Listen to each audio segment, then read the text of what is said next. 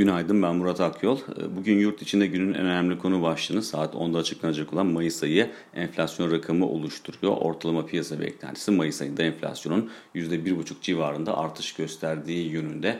Piyasa beklentisinde paralel bir rakam görmemiz durumunda 12 aylık rakamda yaklaşık olarak 25 bas puanlık bir yükseliş yaşanmış olacak. Yani 17.40 seviyesine ulaşmış olacak e, yıllık rakam ama sonraki aylara baktığımızda ise özellikle kurda yeni bir sıçrama gerçekleşmez ise e, enflasyonun hafif aşağı yönlü bir eğilim sergileme potansiyelinin çok daha yüksek olduğunu söyleyebiliriz.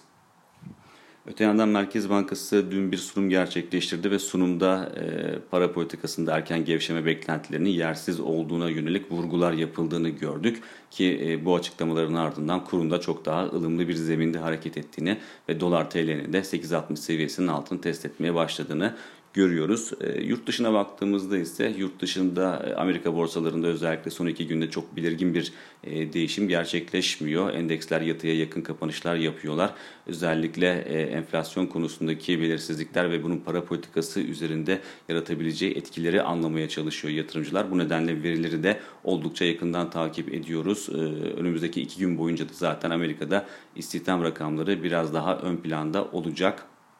Ee, bugün haftalık işsizlik maaşı başvuruları açıklanacak. Bunun yanında e, özel sektör istihdam rakamı da bugün açıklanacak. Ama en önemlisi ise yarın açıklanacak olan Mayıs ayı istihdam rakamları ki e, geride bıraktığımız ayda beklentileri karşılamayan e, rakamlar görmüştük. Hafta başından bu yana da zaten Mayıs ayı istihdam rakamlarına odaklanmış durumda piyasalar. Bu da özellikle borsalarda hareketliliğin biraz daha düşük kalmasına neden olan unsurlardan biri olarak çalışmıştı. Bir sonraki podcast'te görüşmek üzere.